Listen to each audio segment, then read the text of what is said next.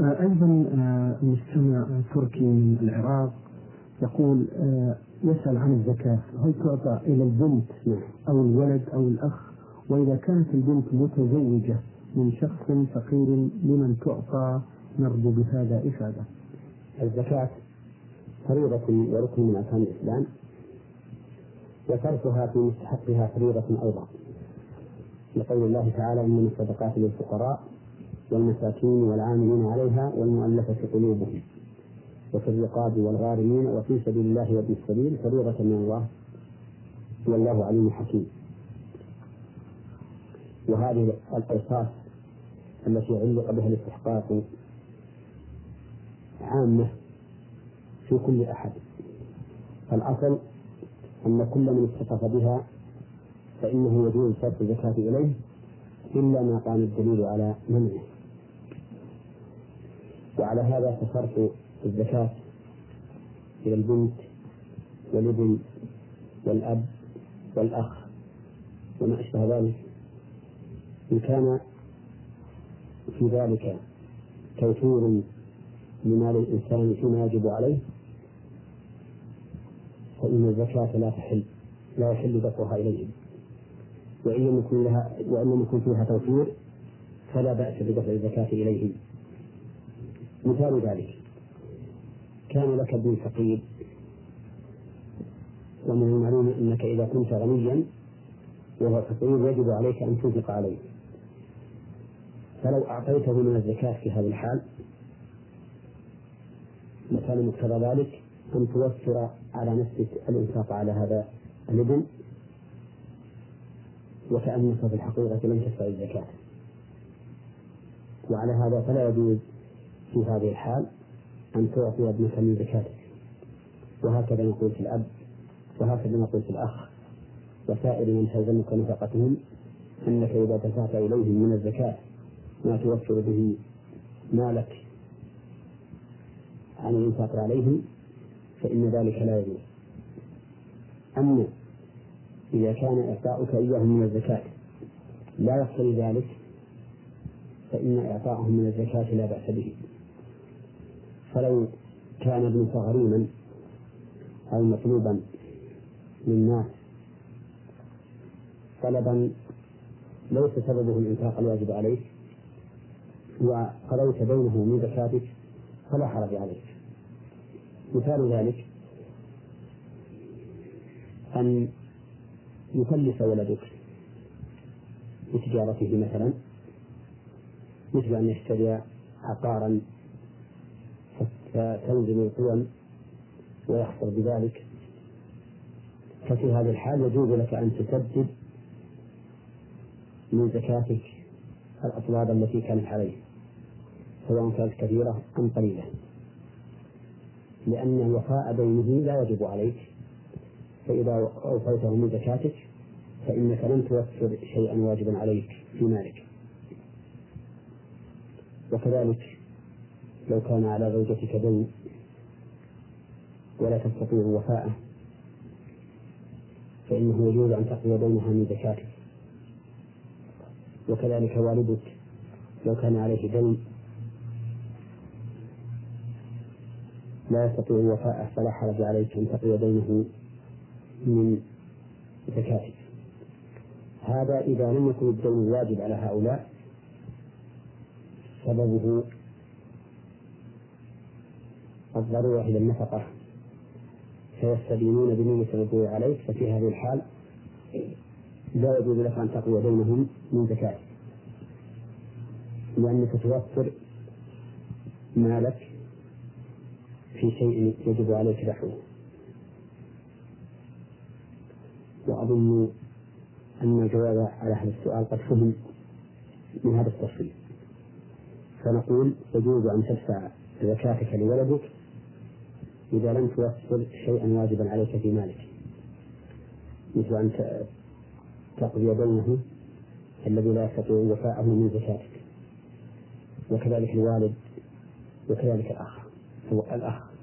فكل قريب لا يجب عليك الإنفاق عليه فإنه يجوز أن تدفع الزكاة إليه سواء كان من أصولك أو فروعك أو من حواشيك. نعم. بارك الله فيكم.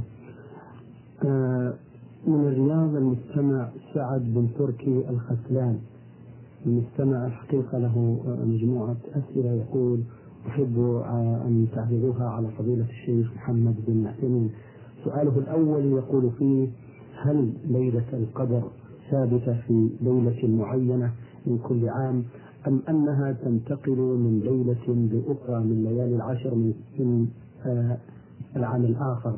نرجو توضيح هذه المسألة بالأدلة. نعم.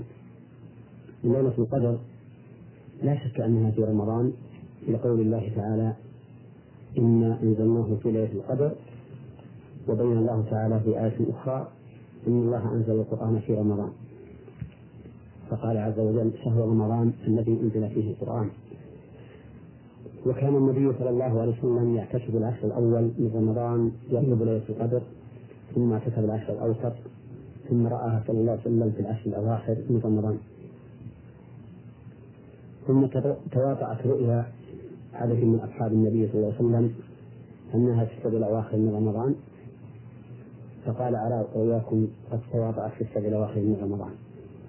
فمن كان متحريها فليتحرى في السبع الأواخر. وهذا أقل ما قيل فيها أي في حثها في زمن معين. أقول هذا أقل ما ورد فيها أي في حثها في زمن معين. وإذا تأملنا الأدلة الواردة في ليلة القدر تبين لنا أنها تنتقل من ليلة إلى أخرى وأنها لا تكون في ليلة معينة كل عام. فالنبي عليه الصلاة والسلام رأى ليلة القدر أو أولي ليلة القدر في المنام وأنه يسجد في صبيحتها في ماء وطين وكانت تلك الليلة ليلة إحدى وعشرين. وقال عليه الصلاة والسلام التمسوها في أي ليال متعددة من العشر وهذا يدل على أنها لا تنحصر في ليلة معينة. وبهذا تجتمع الأدلة ويكون الإنسان في كل ليلة من العشر يرجو أن يصادف ليلة القدر. وثبوت أجر ليلة القدر حاصل لمن قامها إيمانا واحتسابا سواء علم بها أم لم يعلم. لأن النبي صلى الله عليه وسلم يقول من قام ليلة القدر إيمانا واحتسابا غفر له ما تقدم من ذنبه. ولم يقل إذا علم أنه قامها. فلا يشترط في حصول ثواب ليلة القدر أن يكون العامل عالما بها بعينها ولكن من قام العشر الأواخر من رمضان كلها فإننا نجزم بأنه قام ليلة القدر إيمانا واحتسابا. سواء في أول العشر أو في وسطها أو في آخرها. نعم. بارك الله فيكم. آه المستمع سعد آه أيضا يسأل ويقول هناك من يقول بجواز المسح على كل خف سواء كان مخرقا أو مفتقا. آه وسواء يمكن متابعة الشيء فيه أم لا بد لو كان على قدميه لفافة أم لا بد لو كان على قدميه لفافة لجاز المسح على ذلك كله. وحجتهم أن النبي صلى الله عليه وسلم رخص للمسلمين في مسح الخفين في أحاديث كثيرة ليس في شيء منها اشتراط سلامة الخف من الشق وتأخير البيان وقت الحاجة لا يجوز. نرجو من فضيلة الشيخ بيان مدى صحة هذا القول. جزاكم الله خيرا. هذا القول الذي أشار إليه السائل وهو جواز المسح على كل ما لبس على الرجل هو القول الصحيح. وذلك أن النصوص الواردة في مسح الخفين كانت مطلقة غير مقيدة بشروط. وما ورد عن الشارع مطلقا فإنه لا يجوز إلحاق شروط به. لأن إلحاق الشروط به تضييق لما وسعه الله عز وجل ورسوله. والأصل بقاء المطلق على إطلاقه والعام على عمومه حتى يرد دليل على التقييد أو التفصيل. وقد حكى بعض أصحاب الشافعي عن عمر وعلي بن أبي طالب رضي الله عنهما جواز المسح على الخف على جورب الرقيق.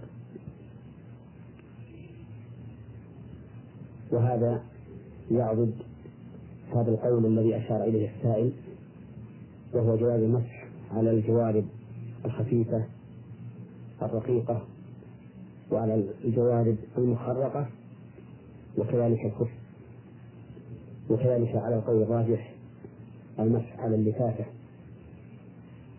بل إن جواز المسح على اللفافة أولى لمشقة حلها ولفها. وهذا هو الذي يتمشى مع قوله عز وجل حين ذكر آية الطهارة في الوضوء والغسل والتيمم قال ما يريد الله لا جعل عليكم من حرج ولكن يريد ليطهركم وليتم نعمته عليكم لعلكم تشكرون. بارك الله فيكم.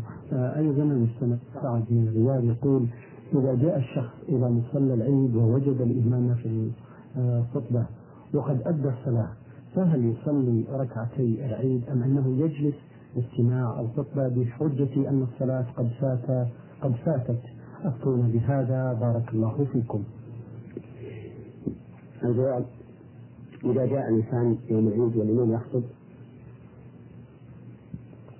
فقد انتهى الصلاة كما هو معلوم ولكن لا يجلس حتى يصلي ركعتين تحية للمسجد فإن العلماء وأعني بذلك فقهاء أحمد رحمهم الله نصوا على أن مصلى العيد مسجد حكم حكم المساجد ويدل على ذلك أن النبي صلى الله عليه وسلم أمر الحيض أن تعتزله وهذا يدل على أن حكم على أن حكمه حكم المساجد وبناء عليه فإنه إذا دخل الإنسان لا يجلس حتى يصلي ركعتين تحية المسجد.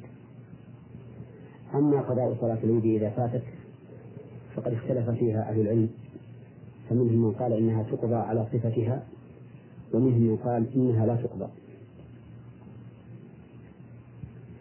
والقائلون بأنها لا تقضى يقولون لأنها صلاة شرعت على وجه الاجتماع فلا تقضى إذا فاتت كصلاة الجمعة. لكن صلاة الجمعة يجب أن يصلي الإنسان بدلها صلاة الظهر لأنها فريضة الوقت. أما صلاة العيد فليس لها بدل فإذا فاتت مع الإمام فإنه لا يشرع قضاؤها وهذا هو سؤال شيخ الإسلام ابن تيمية رحمه الله. وهو عندي أقرب إلى الصواب من القول بالقضاء. والله أعلم. بارك الله فيكم. آه رسالة حقيقة طيبة وكتبت بخط واضح مكونة من ثلاثة أسئلة. باعثها أخوكم في الله أحمد سعيد عبد الغفار. أحمد سعيد يقول السلام عليكم ورحمة الله وبركاته. وعليكم السلام ورحمة الله وبركاته. يريد الحقيقة الإجابة على أسئلته وسؤاله الأول يقول عندما حضرت إلى المملكة للعمل سألت الله سبحانه وتعالى أن يوفقني في عملي وسفري هذا ونذرت لله سبحانه وتعالى أن أصلي يوميا أربع ركعات حمدا وشكرا له وذلك طول حياتي. وذات يوم نسيت صلاة هذه الأربع ركعات وقمت بصلاتها في اليوم التالي. فما الحكم في هذا السهو؟ هل قضاؤها ثاني يوم مقبول أم الأمر فيه كفارة أرجو إفادتكم. بارك الله فيكم. قبل أن أجيب على سؤاله أود أن أنبه وكم نبهت ونبه غيري على أن النذر مكروه. حتى قال بعض العلماء إنه حرام. وذلك لأن النبي صلى الله عليه وسلم نهى عنه. وفي القرآن ما يشير إليه أي إلى النهي عنه. حيث قال الله تعالى وأقسموا بالله جهد إيمانهم لئن أمرتهم ليخرجون قل لا تقسموا طاعة معروفة. أي أطيعوا الله تعالى بدون أن تقسموا. أو أطيعوا الرسول صلى الله عليه وسلم إذا أمركم بالخروج بدون أن تقسموا. والنبي صلى الله عليه وسلم نهى عن النظر وقال إنه لا يأتي بخير. والنظر يقتضي النهي عنه أيضا. ذلك لأن كثيرا من الناظرين يصعب عليهم بعد أن يوفوا بنذورهم تجدهم يذهبون إلى كل عالم يطرقون بابه لعلهم يجدون الخلاص منه. وبعضهم يتهاون ولا يوفي بنذره وإذا تهاون الإنسان بنذره الذي يجب عليه الوفاء به فإنه يخشى عليه من النفاق. لقول الله تعالى ومنهم من عاهد الله لئن آتانا من فضله لنصدقن ولنكونن من الصالحين. فلما آتاهم من فضله بخلوا به وتولوا وهم معرضون فأعقبهم نفاقا في قلوبهم إلى إلى يوم يلقونه. بما أخلف الله ما وعدوه وبما كانوا يكذبون. وبعد هذا نجيب على سؤال السائل ونقول إنك نذرت أن تصلي لله تعالى كل يوم أربع ركعات طول حياته طول حياته ما دام في المملكة. كما يظهر من سؤاله. والصلاة طاعة لله عز وجل. وقد ثبت عن النبي صلى الله عليه وسلم أنه قال من نذر أن يطيع الله فليطعه. وعلى هذا فيلزمك أن تصلي كل يوم أربع ركعات. كما نذرت. فإذا نسيت اليوم فصلها متى ذكرتها؟ لقول النبي صلى الله عليه وسلم من نام عن صلاة لنفسها فليصليها إذا ذكرها لا كفارة لها إلا إلا ذلك. والواجب بالنذر يحتاج به حذو الواجب بأصل الشر أما لو تركتها عمدا إلى اليوم الثاني فإنك آثم بذلك لأنك لم تهد بنذرك وعندي تردد في كونه يجزئك أن تقضيها في اليوم الثاني أو لا يجزئك لأنها صلاة موقتة في الوقت أخرجتها عن وقتها بدون عذر شرعي فلا تكون مقبولة منك.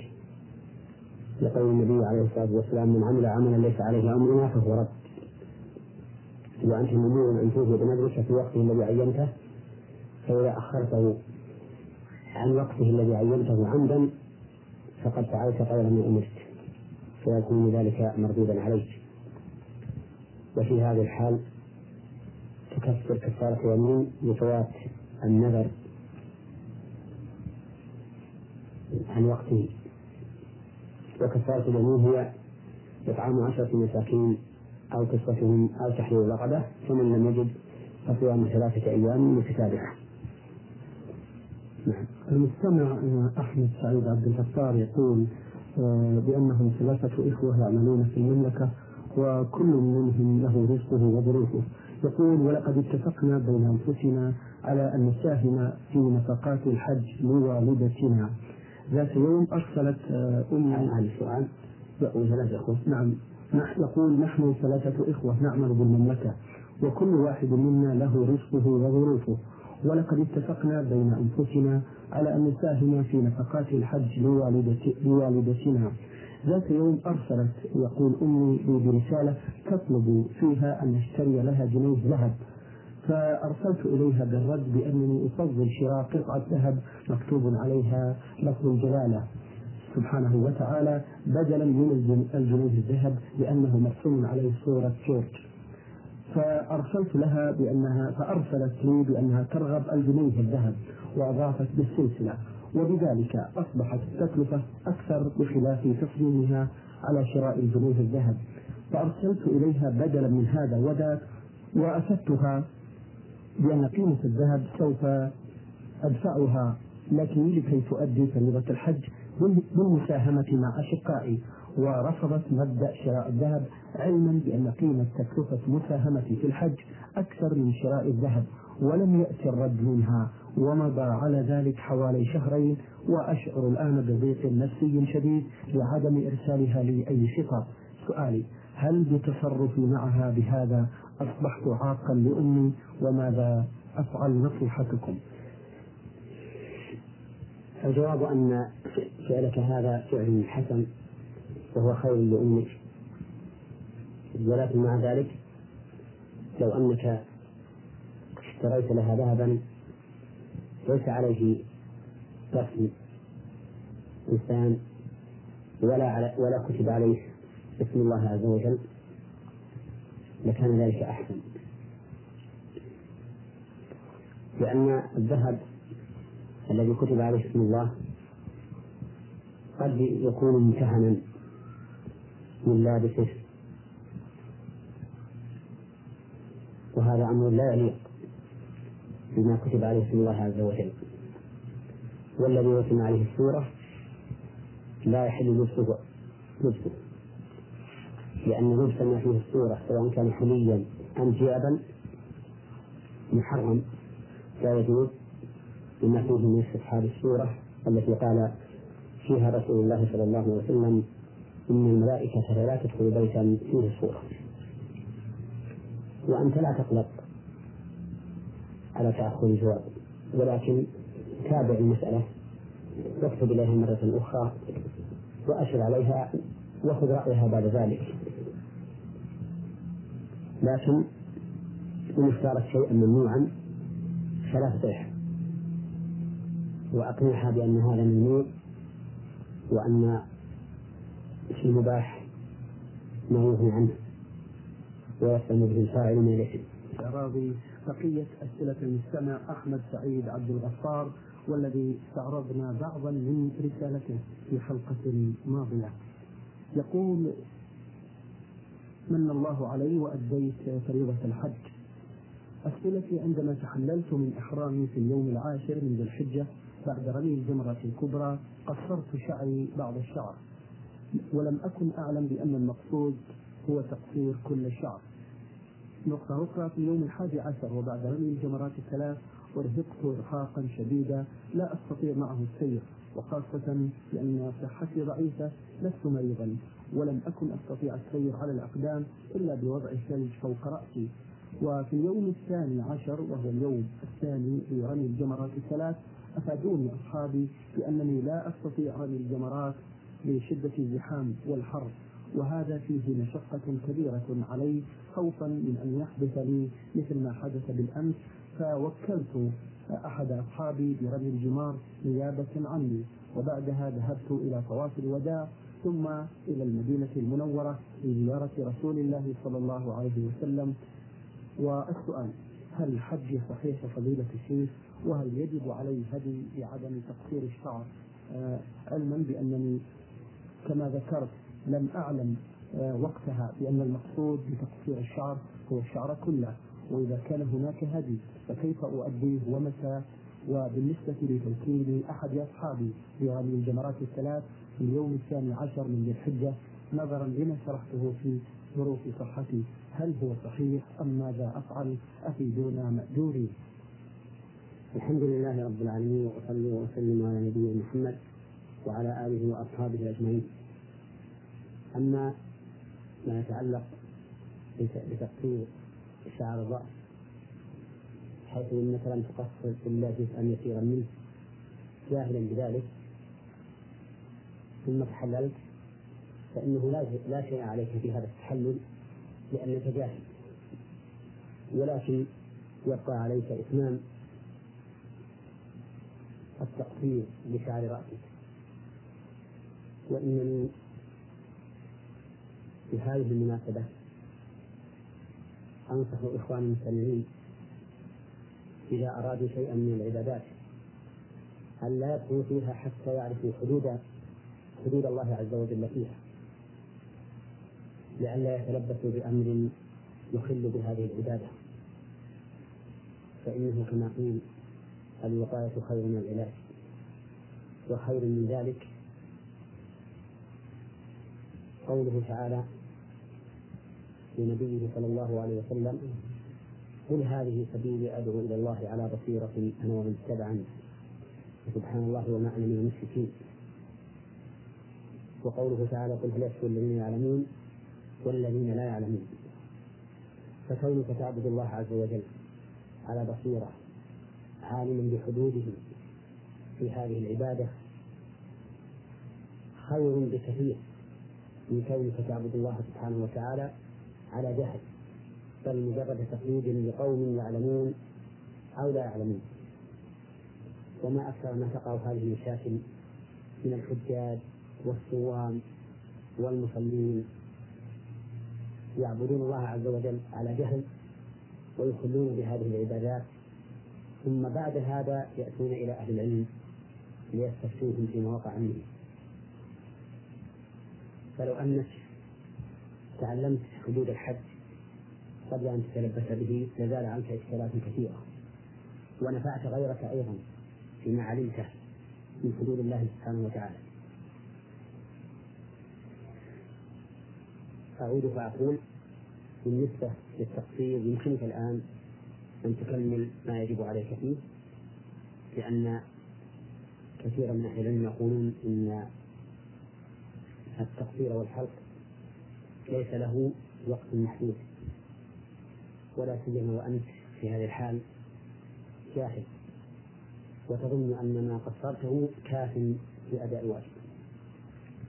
وأما بالنسبة لتوكيلك في اليوم الثاني عشر من يرمي عنك؟ فإذا كنت على الحال الذي وصفت في سؤالك لا تستطيع أن ترمي بنفسك لضعفك وعدم تحملك الشمس. ولا تستطيع أن تتأخر حتى ترمي في الليل وترمي في اليوم الثالث عشر. ففي هذه الحال لك أن توكل. ولا يكون عليك في ذلك شيء. لأن القول الصحيح أن الإنسان إذا جاز له التوكيل لعدم قدرته على الرمي بنفسه لا في النهار ولا في الليل فإنه لا شيء عليه. خلافا لمن قال إنه يوكل وعليه وعليه دم. لأننا إذا قلنا بجواز التوكيل صار الوكيل قائما مقام الموكل. نعم. بارك الله فيكم. آه في نهاية رسالة المستمع أحمد سعيد عبد الغفار يقول آه أولا أشكر الله سبحانه وتعالى على أن من علي بالحج وبإذن الله سوف أقوم بتأدية العمرة. فبماذا تنصحونني في جميع أداء مناسك العمرة وواجباتها علما؟ بأنني سوف أؤديها بمشيئة الله سبحانه وتعالى. عمرة ثانية لوالدي المتوفى بعد أداء العمرة الخاصة بي. يقول وهل يجوز الدعاء لنفسي أثناء تأدية عمرة والدي؟ آه، إلحاقا للجواب على السؤال الأول. قال السائل أنه بعد ذلك زار النبي صلى الله عليه وسلم ولي على هذه الجملة ملاحظة وهي أن الزيارة تكون لقبر النبي صلى الله عليه وسلم أما النبي عليه الصلاة والسلام فإنه بعد موته لا يزار وإنما يزار القبر. ثم إن الأفضل لمن قصد المدينة أن ينوي بذلك الذهاب إلى المسجد.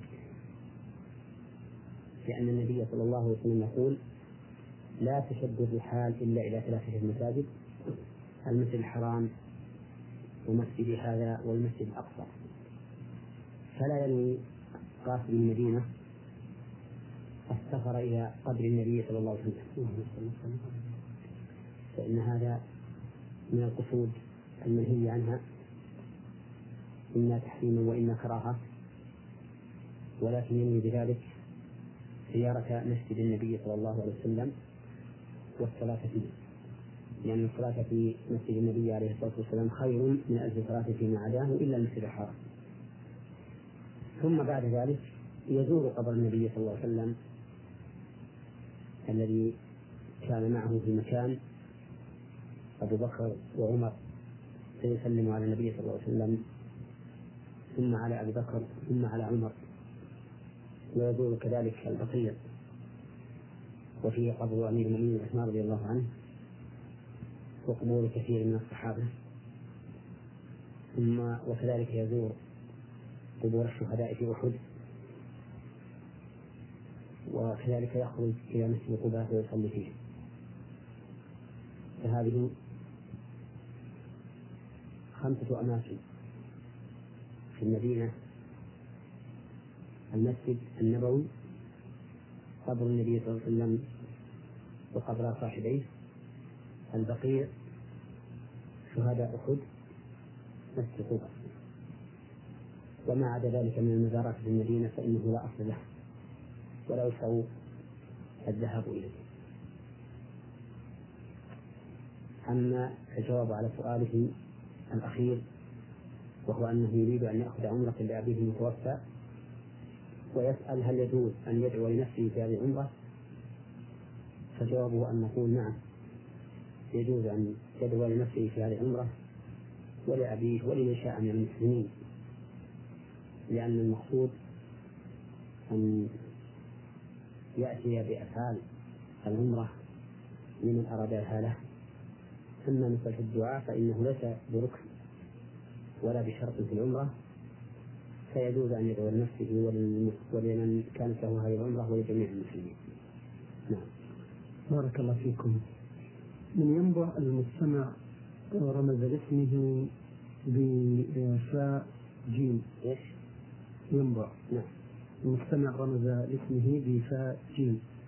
يقول في رسالته نرى آه، كثيرا توضع لافتات ولوحات سواء كانت من الورق أو القماش أو اللوحات الخشبية ومكتوب عليها جميعا آيات قرآنية وتوضع على أبواب المساجد والعمائر والشوارع العامة مما يعرض آه، هذا مما يعرض كلام الله سبحانه وتعالى للإهانة لا سمح الله في سبب سقوط هذه اللوحات على الطرق والمحلات القذرة نرجو التوجيه من فضيلتكم بشأن هذا الموضوع الهام لحماية كلام الله من التعرض للخطأ.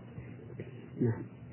هذا الأمر الذي أشار إليه السائل وهو تعليق الآيات القرآنية على الجدران وأبواب المساجد وما أشبهها هو من الأمور المحدثة التي لم تكن معروفة في عهد السلف الصالح الذين هم خير القرون. كما ثبت عن النبي عليه الصلاة والسلام أنه قال خير الناس قرني ثم الذين يلونهم ثم الذين يلونهم.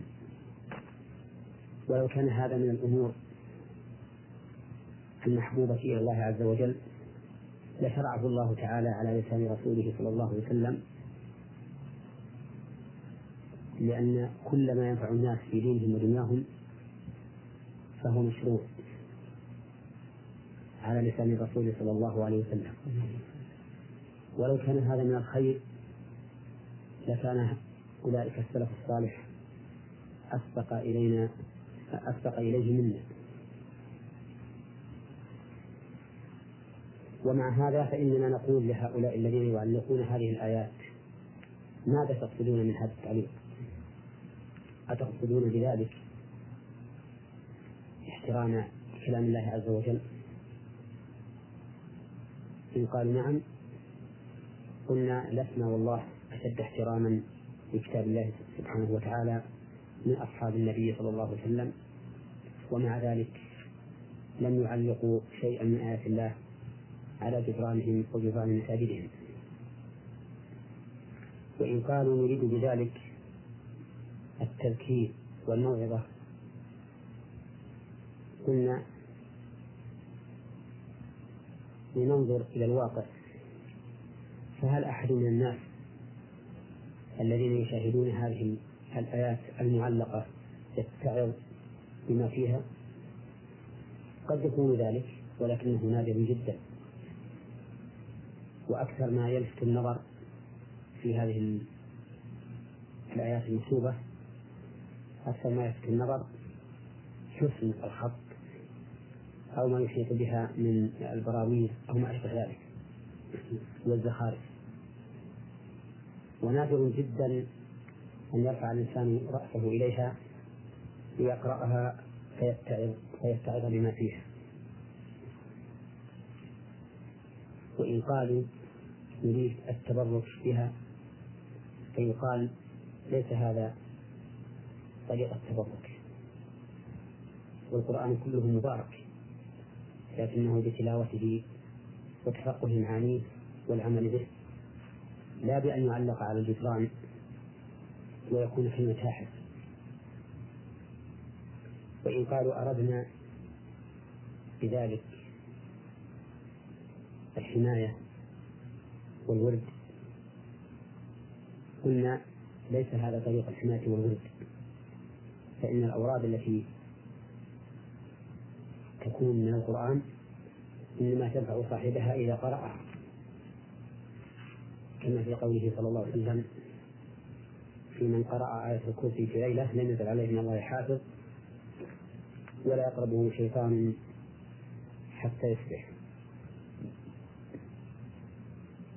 ومع هذا فإن بعض المجالس أو كثيرا من المجالس التي تكتب فيها الآيات قد يكون فيها اللغو بل قد يكون فيها الكلام المحرم أو الأغاني المحرمة.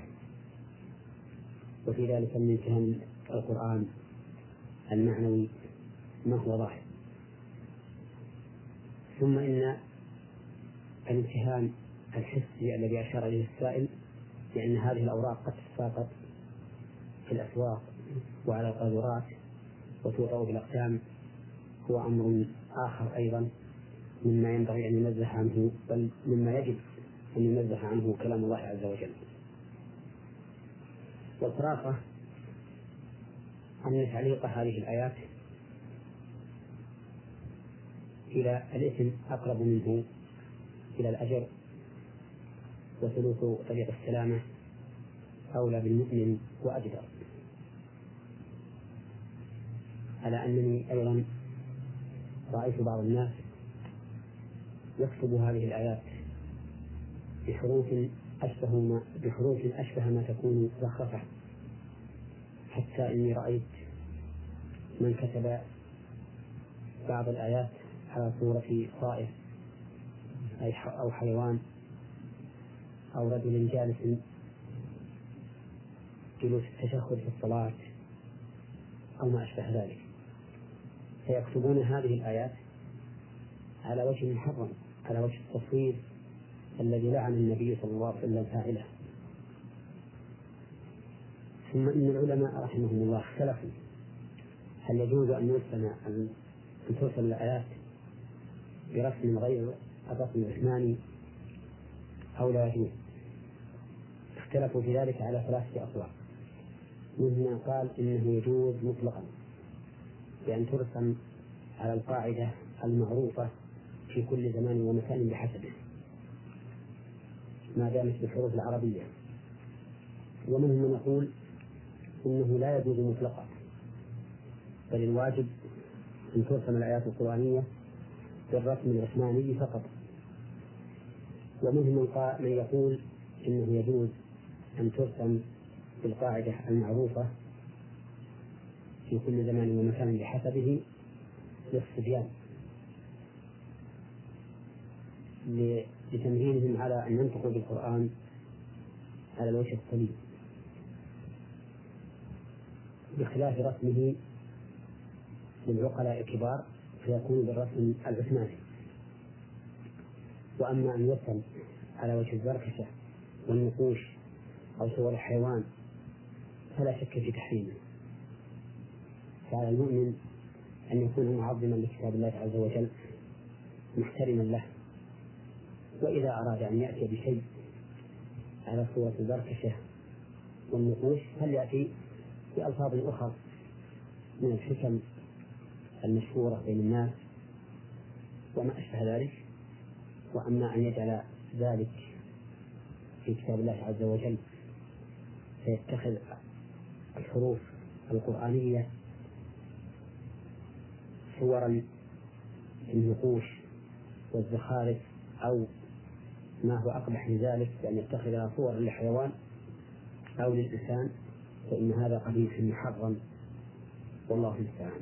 الله المستعان. آه أيضا شيخ محمد آه نشاهد البعض من الناس آه يضعون الوريقات على سياراتهم وعلى أبوابهم في دعاء الخروج دعاء الجلوس الأدعية عن الرسول أيضا. هذا لا أظن فيه بأسا. نعم. لأنه تذكير للناس وكثير من الناس لا يحفظون هذه الأدعية. نعم. فإذا كتبت أمامهم سهل عليهم تلاوتها وقراءتها ولا حرج في هذا مثل أن يكتب الإنسان في مجلسه دعاء وكفارة المجلس حتى ينبه الجالسين إذا قاموا أن يدعو الله سبحانه وتعالى بذلك وكذلك ما يكون في الملحقات الصغيرة أمام الراكب في السيارات من دعاء الركوب والسفر فإن هذا لا بأس به. نعم. سبقكم الله شيخ محمد. آه رسالة وصلت من أحد الإخوة المستمعين عطية آه، من المدينة المنورة. المستمع عطية يقول لقد سمعت حلقة من برنامج نور على الدرب يوم الخميس الموافق 14 6 1407 هجرية وسمعت إجابة السؤال الأول من البرنامج والذي قال فيه فضيلة الشيخ محمد بن صالح بن عثيمين بأن كل بدعة ضلالة. وذكر الحديث وقال يعني أن ليس هناك بدعة غير ضلالة وليس هناك بدعة حسنة بل كل بدعة ضلالة. سؤالي هل السبحة هل السبحة تعتبر بدعة؟ وهل هي بدعة حسنة أم بدعة ضلالة؟ السبحة ليست بدعة دينية وذلك لأن الإنسان لا يقصد التعبد لله بها وإنما يقصد ضبط عدد التسبيح الذي يقوله أو التهليل أو التحميل أو التكبير فهي وسيلة وليست مقصودة. ولكن الأفضل منها أن يعقد الإنسان التسبيح بأنامله. أي بأصابعه لأنهن مستنطقات كما أرشد إلى ذلك النبي صلى الله عليه وسلم. ولأن عد التسبيح ونحوه بالمفتحة يؤدي إلى غفلة الإنسان. فإننا نشاهد كثيرا من أولئك الذين يستخدمون المفتحة فنجدهم يسبحون وأعينهم تدور هنا وهناك لأنهم قد جعلوا عدد الحبات على قدر ما يريدون تسبيحه أو تهليله وتحميله وتكبيره فتجد الإنسان منهم يعد هذه الحبات بيده وهو غافل القلب يلتفت يمينا وشمالا. بخلاف ما إذا كان إذا كان يعدها بالأصابع فإن ذلك أحفظ لقلبه غالبا. الشيء الثالث أن استعمال المسبحة قد يدخله الرياء فإننا نجد كثيرا من الناس الذين يحبون كثرة التسبيح يكون في أعناقهم مصابح طويلة كثيرة الخرزات وكأن لسان حالهم يقول انظروا إلينا فإننا نسبح الله بقدر هذه الخرزات وأنا أستغفر الله أن أتهمهم بهذا لكنه يخشى منه. فهذه ثلاثة أمور كلها تقضي بأن يتجنب الإنسان التسبيح بالمسبحة وأن يسبح الله سبحانه وتعالى بأنامله. ثم إن الأولى أن يكون عقد التسبيح بالأنامل في اليد اليمنى لأن النبي صلى الله عليه وسلم كان يعقد التسبيح بيمينه. ولأنها خير من اليسرى بلا شك.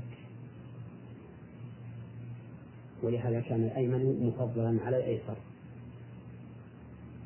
ونهى النبي عليه الصلاة والسلام أن يأكل الرجل بشماله أو يشرب بشماله وأمر أن يأكل الإنسان بيمينه. فقال النبي عليه الصلاة والسلام يا غلام سم الله وكل بيمينك وكل ما يليك. وقال لا يأكلن أحدكم بشماله ولا يشربن بشماله فإن الشيطان يأكل بشماله ويشرب بشماله. فاليد اليمنى أولى بالتسبيح من اليد اليسرى.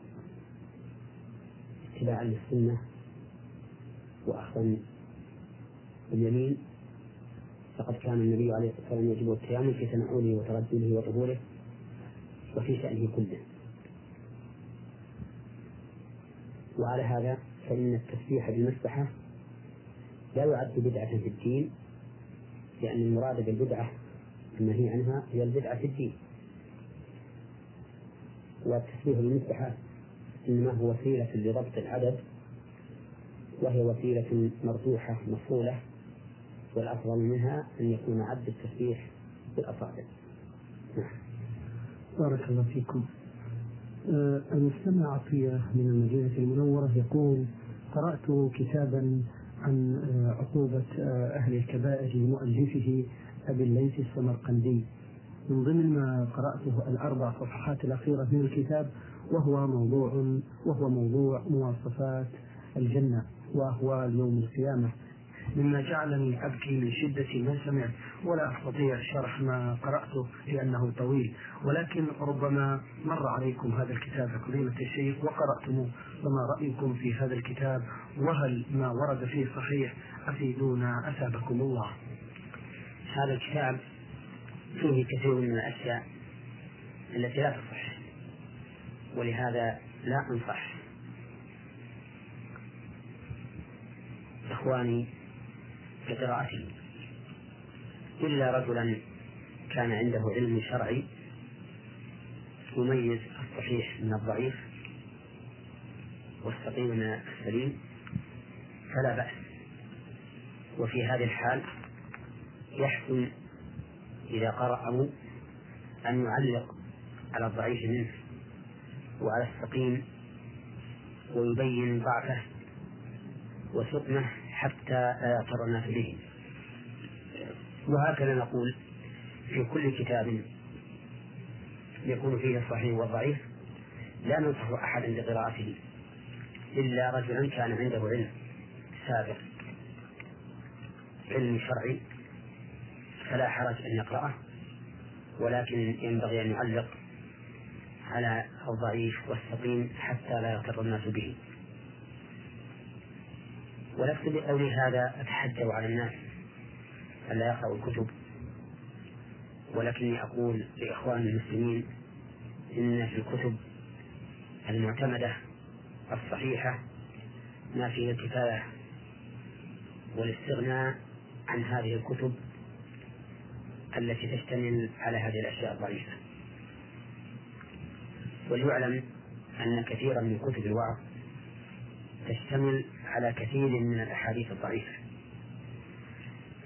وذلك استنادا إلى قول ذهب ذهب إليه بعض أهل العلم وهو التساهل في الأحاديث الضعيفة في باب الفضائل أو الزواجر نظرا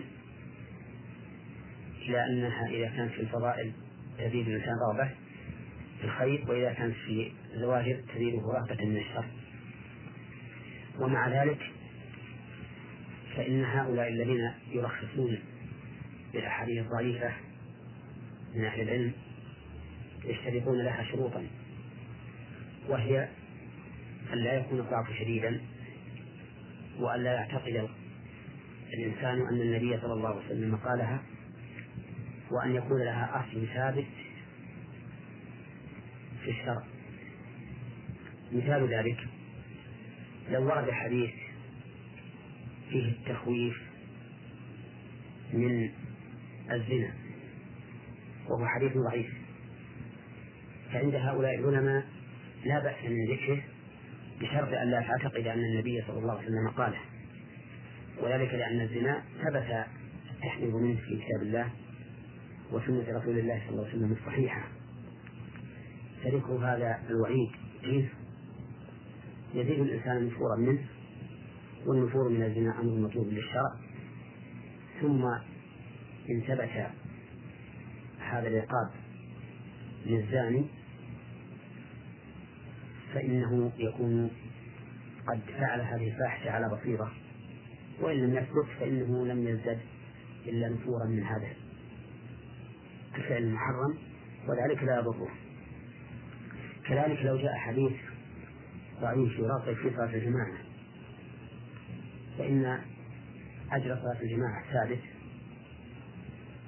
السنة الصحيحة عن النبي عليه الصلاة والسلام والأمر بصلاة الجماعة ثابت في كتاب الله فإذا جاء حديث يرغب فيها كان ذلك حاسا للناس على القيام بهذا الأمر. ثم إن ثبت ما جاء فيه من الفضائل فهو زيادة الخير وإن لم يثبت فإن الإنسان لم يزدد بهذا الوعد والثواب إلا خيرا. هذه وجهة من قال بأنه يجوز ذكر الأحاديث الضعيفة في باب الثواب والعقاب بالشروط التي أسلفت ومع هذا فإن الأولى تجنب الأحاديث الضعيفة مطلقة في الفضائل وفي وفي وفي العقوبات والاقتصار على ما يكون حجة من كتاب الله وسنة رسوله صلى الله عليه وسلم. والله موفق. فلا وصلت من أحد الإخوة المستمعين المستمع علي القراطي يقول في رسالته رجل اقترض مالا من رجل ولكن المقرض اشترط أن يعطى قطعة أرض زراعية من المقترض رهن بالمبلغ يقوم بزراعتها وأخذ غلاتها كاملة أو نصفها والنصف الآخر لصاحب الأرض حتى يرجع المدين المال كاملا كما أخذه فيرجع له الدائن الأرض التي كانت تحت يده. ما حكم الشرع في نظركم يا شيخ محمد في مثل هذا الفرض المشروط الحمد لله رب العالمين وأصلي وأسلم على نبينا محمد وعلى آله وأصحابه أجمعين.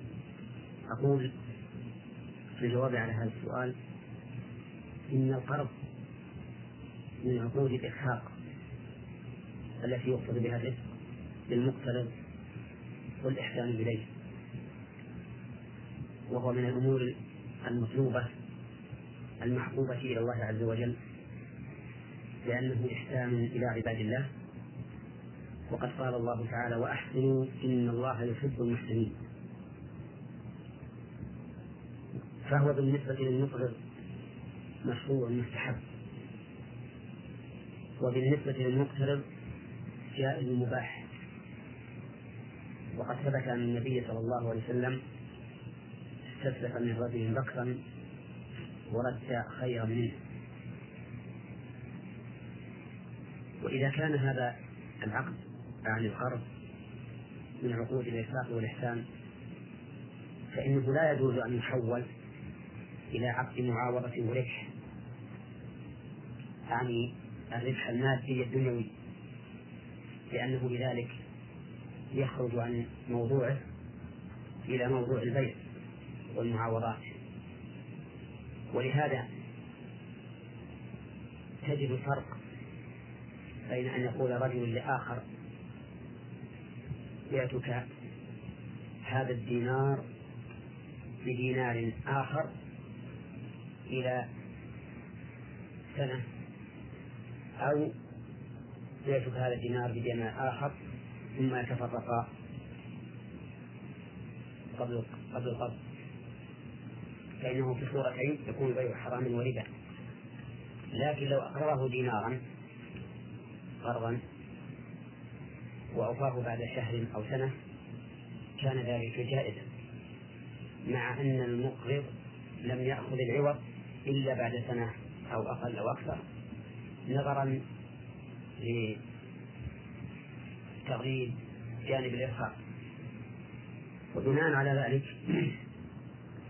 وبناء على ذلك فإن المقرض إذا اشترط على المقترض نفعا ماديا فقد خرج بالقرض عن موضوعه الأصلي وهو الإرهاق فيكون حراما. والقاعدة المعروفة عند أهل العلم أن كل قرض جر منفعة فهو ربا. وعلى هذا فلا يجوز للمقرض أن يشترط على المقترض أن يمنحه أرضه ليزرعه ليزرعها حتى ولو أعطى للمقترض سهم من الزرع. لأن ذلك جر منفعة للمقرض يخرج القرض عن موضوعه الأصلي وهو الإرفاق والإحسان. بارك الله فيكم. آه رسالة وصلت من أحد الإخوة المستمعين المستمع هنا لم يذكر اسمه. يقول آه قول بعض المصلين في التحيات اللهم صل على سيدنا محمد وعلى آل آه سيدنا محمد كما صليت على إبراهيم وعلى آل إبراهيم. فما رأيكم آه شيخ محمد بقولنا سيدنا؟ لا يعتاب عاقل أن محمد صلى الله عليه وسلم سيد ولد آدم. فإن كل عاقل مؤمن يؤمن بذلك وأن النبي صلى الله عليه وسلم سيد البشر والسيد هو ذو الشرف والطاعة والإمرة وطاعة النبي صلى الله عليه وسلم من طاعة الله سبحانه وتعالى. من يطع الرسول فقد أطاع الله. ونحن وغيرنا من المؤمنين لا نشك أن نبينا صلى الله عليه وسلم سيدنا وخيرنا وأفضلنا عند الله سبحانه وتعالى وأنه المطاع فيما يأمر به صلوات الله وسلامه عليه. ومن مقتضى اعتقادي أنه السيد المطاع عليه الصلاة والسلام. من مقتضى ذلك أن لا نتجاوز ما شرع ما شرع لنا من قول أو فعل أو عقيدة. ومما شرعه لنا في كيفية الصلاة عليه في التشهد أن نقول اللهم صل على محمد وعلى آل محمد كما صليت على إبراهيم وعلى آل إبراهيم إنك حميد مجيد. أو نحوها من الصفات الواردة في كيفية الصلاة عليه صلى الله عليه وسلم. ولا أعلم أن صفة وردت بالصيغة التي ذكرها السائل وهو اللهم صل على سيدنا محمد وعلى آل سيدنا محمد. وإذا لم ترد هذه الصيغة عن النبي عليه الصلاة والسلام فإن الأفضل ألا نصلي على النبي صلى الله عليه وسلم بها وإنما نصلي عليه بالصيغة وإنما نصلي عليه بالصيغة التي علمنا إياها. وإنني بهذه المناسبة أود أن أنبه إلى أن كل إنسان يؤمن. بأن محمدا صلى الله عليه وسلم سيدنا فإن مقتضى هذا الإيمان أن لا يتجاوز الإنسان ما شرعه وأن لا ينقص عنه فلا يبتدع في دين الله ما ليس منه ولا ينقص عن دين الله ما هو منه. فإن هذا هو حقيقة السيادة التي من حق النبي صلى الله عليه وسلم علينا. وعلى هذا فإن أولئك المبتدعين بأذكار أو صلوات على النبي صلى الله عليه وسلم لم يأتي بها شرع الله على لسان رسوله محمد صلى الله عليه وسلم تنافي دعوى أن هذا الذي ابتدع يعتقد أن محمدا صلى الله عليه وسلم سيد لأن مقتضى هذه العقيدة أن لا يتجاوز ما شرع وأن لا ينقص منه. فليتأمل الإنسان وليتدبر ما يعنيه بقوله حتى يتضح له الأمر ويعرف أنه تابع لا مشبه بارك الله فيكم. مستمعة من حائل تقول في رسالتها أسأل فضيلة الشيخ محمد عن امرأة تقول كنت في الرابعة. المستمعة تقول بأنها امرأة كانت في الرابعة عشر من العمر وقد أتتها الدورة الشهرية ولم تصم شهر رمضان في تلك السنة. علما إن هذا العمل ناتج تقول عن جهلي وجهل أهلي حيث أننا كنا منعزلين عن أهل العلم ولا علم لنا بذلك. تقول وقد صمت في الخامسة عشر. وكذلك فقد سمعت من بعض المفتين أن المرأة إذا وفتت الدورة الشهرية فإنه يلزم عليها الصيام ولو كانت في أقل من سن البلوغ. نرجو بهذا إفادة. بارك الله فيكم. هذه السائلة التي ذكرت عن نفسها عن نفسها أنها فتاة الحيض وهي في الرابعة عشرة من عمرها ولم تعلم أن البلوغ يحصل بذلك. ليس عليها إثم حين تركت الصيام في تلك السنة لأنها جاهلة والجاهل لا إثم عليه. لكن لكن حين علمت أن الصيام واجب عليها فإنه يجب عليها أن تبادر بقضاء ذلك الشهر. الذي أتاها بعد أن حارت فإن المرأة إذا بلغت وجب عليه الصوم. وبلوغ المرأة يحصل بواحد من أمور أربعة. إما أن يتم لها خمس عشرة سنة وإما أن تنبت عنتها وإما أن تنزل وإما أن تحيط فإذا حصل واحد من هذه الأربع الأربعة فقد بلغت وكلفت ووجبت عليها العبادات كما تجب على الكبير.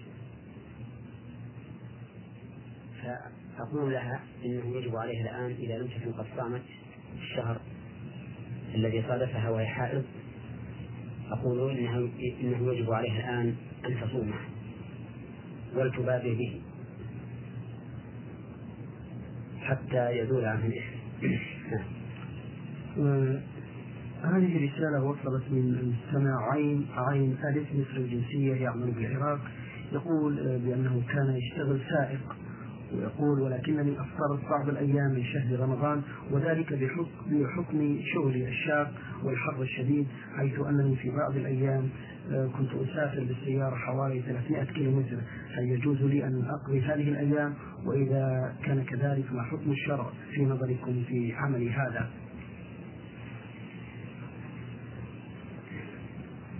الذي أرى في هذه المسألة أن إفطارك من أجل العمل محرم ولا يجوز. وإذا كان لا يمكنك الجمع بين العمل والصوم فخذ إجازة في شهر رمضان حتى يتسنى لك أن تصوم شهر رمضان لأن صيام شهر رمضان ركن من أركان الإسلام لا يجوز الإخلال به. لكنك ما دمت قد أفطرت معتقدا أن الفطر يجوز لك في هذه الحال فإن عليك الآن قضاؤه كقول الله تعالى ومن كان مريضا أو على سفر فعدة من أيام أخر وعليك ألا تعود لمثل هذا العمل. وأسأل الله تعالى أن يوفقنا جميعا للتوبة النصوح وأن يرزقنا البصيرة في دينه حتى نعبده على بصيرة وندعو إليه على بصيرة. اللهم آمين. آه، رسالة وصلت من آه، المستمع يمني رمز لاسمه بنون صاد. يقول ما حكم الشرع في نظركم يا شيخ محمد في من يمنعون السائقين الذين يشتغلون عندهم في البيوت عن الصلاة في المساجد ويأمرونهم بالصلاة في البيوت ولا يسمح لهم بالخروج إلا إذا كانوا يريدون أن يخرجوا هم أي أهل البيت. آه، يقول وما الحكم وما تفسير قوله سبحانه وتعالى يا أيها الذين آمنوا أطيعوا الله وأطيعوا الرسول وأولي الأمر منكم. الذي ينبغي لهؤلاء القوم الذين عندهم عمال يعملون عندهم أن يمكنوهم من صلاة الجماعة لما في ذلك من الأجر والخير الكثير لأن هذا من باب التعاون على البر والتقوى. وقد قال الله عز وجل وتعاونوا على البر والتقوى ولا تعاونوا على الإثم والعدوان. ولا يحل لهم أن يمنعوهم من صلاة الجماعة لأن صلاة الجماعة واجب شرعا. لأن صلاة الجماعة واجب شرعي والواجب الشرعي مستثنى من زمن العمل عند المسلمين لأن طاعة الله ورسوله مقدمة على طاعة البشر. ولكن إذا منع هذا العامل من الصلاة جماعة ولم يكن له مندوحة عن هذا العمل فإنه يعذر في هذه الحال. لأنه ممنوع منها بغير اختياره. وليس له مندوحة عن هذا العمل لأنه مصدر رزقه ولو تركه لتضرر بذلك. آه، المستمع يسأل عن قوله سبحانه وتعالى ولا تجهر بصلاتك ولا تخافت بها. هذه الآية نزلت في النبي عليه الصلاة والسلام وهو في مكة حين كان يقرأ القرآن ويرفع صوته بذلك. فلحقه بهذا ألم من قريش. فأنزل الله عليه هذه الآية ولا تجهر بصلاتك ولا تخافت بها وابتغ بين ذلك سبيلا. فأرشده الله عز وجل إلى ما فيه الخير والسلامة من أذى هؤلاء المشركين. قال لا تجهل بصلاتك الجهر الذي يحصل به أذية عليك ولا تخافت بها المخافته التي تفوت بها المصلحة. بل اجعل هذا وسطا بينها بين ما تحصل بالعلية وبين ما تحصل به المصلحة. فلا تجهر الجهر الذي يؤذي ولا تخافت المخافة التي يفوت بها أو التي تفوت بها المصلحة. نعم. رسالة وصلت من المستمع الذي رمز لاسمه بفاء فاء ألف جمهورية اليمن الديمقراطية يقول في رسالته قرأت حديثا عن الرسول الكريم صلى الله عليه وسلم وأريد آه، شرحه عن أبي هريرة رضي الله عنه قال قال رسول الله صلى الله عليه وسلم استوصوا بالنساء خيرا فإن المرأة خلقت ضلع أو أعوج نعم. وإن أعوج ما في الضلع أعلاه فإن ذهبت تقيمه كسرته وإن تركته لم يزل أعوج فاستوصوا بالنساء نعم. في هذا الحديث يأمر النبي عليه الصلاة والسلام أن نستوصي بالنساء خيرا وذلك بالرفق بهن ومراعاة أحوالهن ويبين صلى الله عليه وسلم أنهن خلقن من ضلع وذلك بخلق حواء فإنها خلقت من ضلع آدم وحواء هي أم النساء وأم الرجال أيضا فهي أم بني آدم فالمرأة خلقت من هذا الضلع. ويبين الرسول عليه الصلاة والسلام أن أعوج شيء الضلع أعلاه وأنك إذا ذهبت تقيمه يعني تعجله حتى يستقيم كسرته وإن استمتعت به استمتعت به على عوج والمرأة كذلك إن استمتعت بها استمتعت بها على عوج وعلى نقص وتقصير وإن ذهبت تقيمها كسرتها وكسرها طلاقها. وعلى هذا فالذي ينبغي الإنسان أن يراعي حال المرأة وأن يعاملها بما تقتضيه طبيعتها. فإن الرجل أعقل من المرأة وأرشد تصرفا فإن عاملها بالشدة لم يعش معها. وإن عاملها باللين والحكمة عاش معها وإن كان ذلك لا يكمل لا يتم به الاستمتاع بهذا الرجل. هذه رسالة وصلت من أحد الإخوة المستمعين آه، من العراق رمز اسمه بنون من عين يقول آه، في رسالته في بلدنا دارج وضع آه، الحجاب إما لغرض الحفظ من العين أو للحماية من إطلاق الرصاص أي لا يفرد الشخص أي أذى من إطلاق النار عليه بحمد الله ولبسه للحجاب أو بوضع في غرض تهدئة الطفل الذي يبكي كثيرا ولكن رأيي والله أعلم هو أنه خرافة أو بدعة وأستند إلى قوله تعالى وإن يمسك الله بضر فلا كاشف له إلا هو. ولكن في بعض الأحيان في بعض الناس يقولون إن الحجاب الذي يحتوي على آيات من القرآن أو أدعية من أدعية الرسول الكريم صلى الله عليه وسلم عبارة عن رقية مكتوبة لأن الرقية هي تؤدي آه، إلى شفائها فما رأي الشرع وما رأي آه، الشرع في نظركم في هذه المسألة. يريد السائل بالحجاب التميمة التي تعلق على الإنسان في عنقه أو يجعلها في جيبه أو يجعلها تحت وسادته إذا نام. وهذه التمائم تكون على وجهين. الوجه الأول أن يكتب فيها ما لا يعلم ولا يدرى. معناه فهذه لا تحل ولا تجوز. لأنه لا يدرى ما الذي تجتمع عليه. أهو شرك أم أسماء للشياطين أو لمرضة الجن أو ما أشبه ذلك من الأشياء المحرمة فهذه لا تجوز قطعا. وأما الوجه الثاني فهو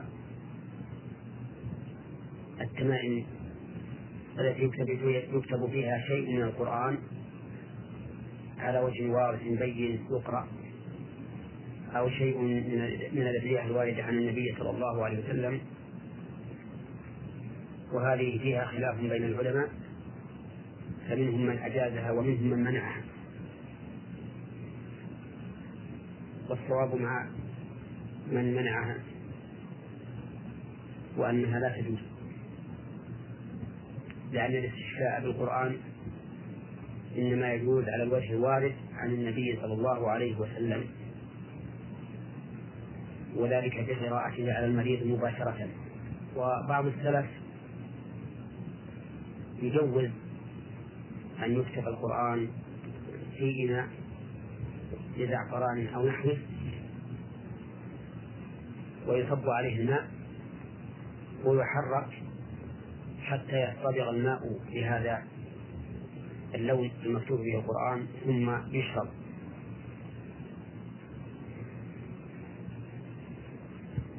وعلى هذا فنقول إن تعليق التمائم واصطحابها في الجيب ووضعها تحت الوسادة لا يجوز مطلقا سواء كان من القرآن أو من غيره ولكن يقرأ على المريض بالآيات التي يلقى بها على المرأة.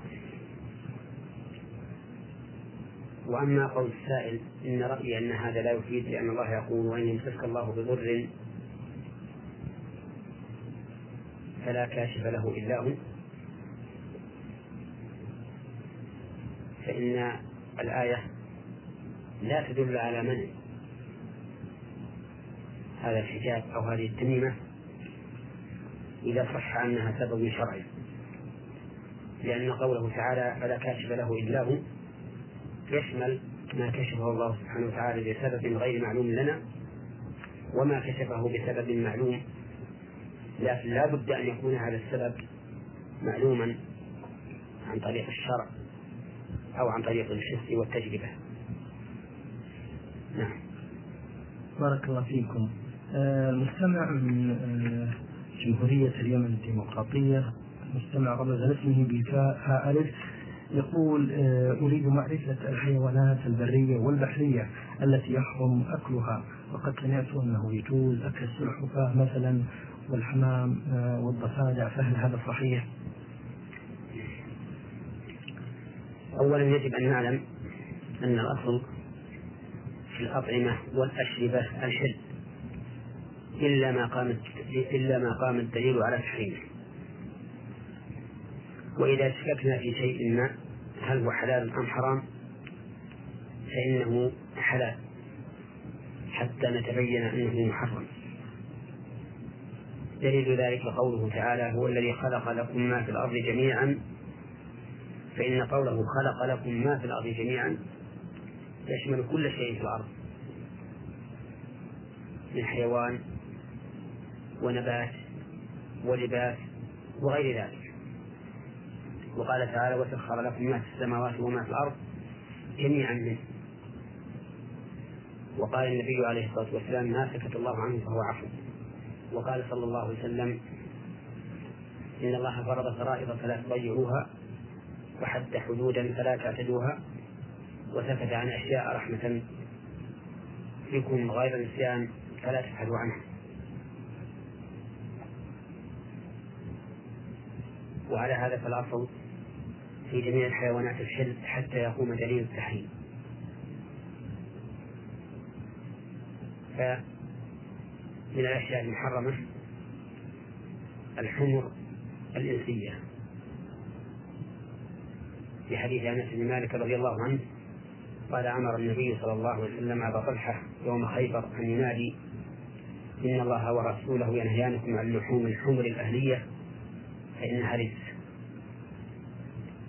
ومن ذلك كل ما له ناب من السباع يفترس به كالذئب والأسد والفيل ونحوه.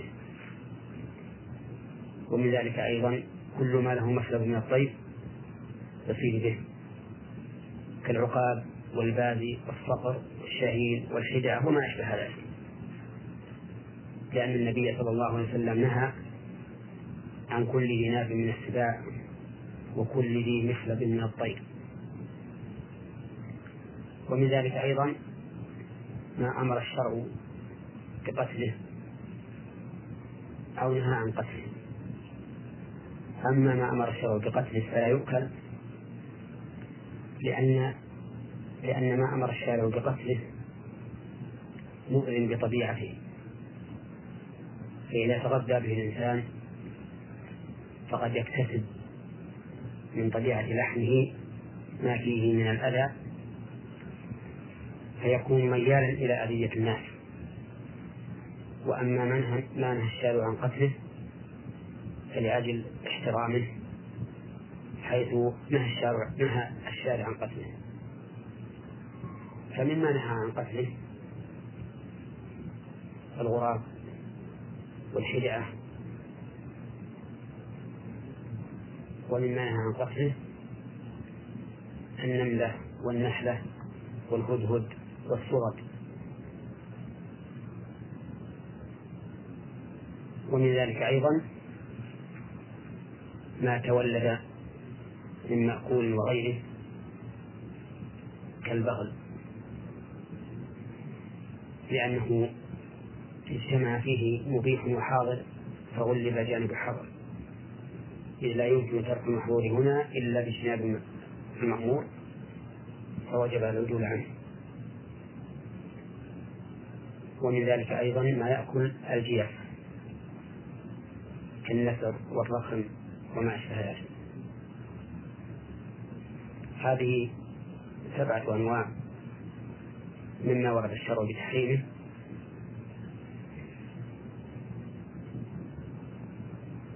على أن في بعضها خلاف بين أهل العلم. فترد الأشياء إلى أصولها. ويقال الأصل في الطيور والحيوانات الأخرى. الأصل فيها الحل حتى يقوم الدليل على التحريم. نعم. بارك الله فيكم. نختم هذه الحلقة بسؤال يقول فيه المستمع. هل يبطل الجرح الصوم؟ فإذا صمت وجرحت وخرج الدم هل يبطل صومي؟ كذلك الاحتلام هل يبطل الصوم؟ نرجو بهذا إفادة. لا يبطل الصوم بخروج الدم من الجرح ونحوه ولو كثر لأنه بغير اختيار الصائم. وكذلك لا يبطل الصوم بنزول المني بالاحتلام لأنه بغير اختيار الصائم. والصوم لا يفسد إلا إذا تناول الصائم المفطرات عالما ذاكرا قاصدا. فأما إن كان جاهلا فصومه لا يفسد وكذلك لو كان ناسيا وكذلك لو كان غير قاصد للفعل. مثال الجهل أن يأكل ويشرب يظن أن الفجر لم يطلع ثم يتبين أنه قد طلع فصومه صحيح. ومثال النسيان أن يأكل ويشرب في أثناء النهار ناسيا أنه صائم فصومه صحيح أيضا. ومثال غير قاصد أن يحترم فينزل منه المني أو يكره على الإفطار بأكل وشرب فلا يفطر بذلك. نعم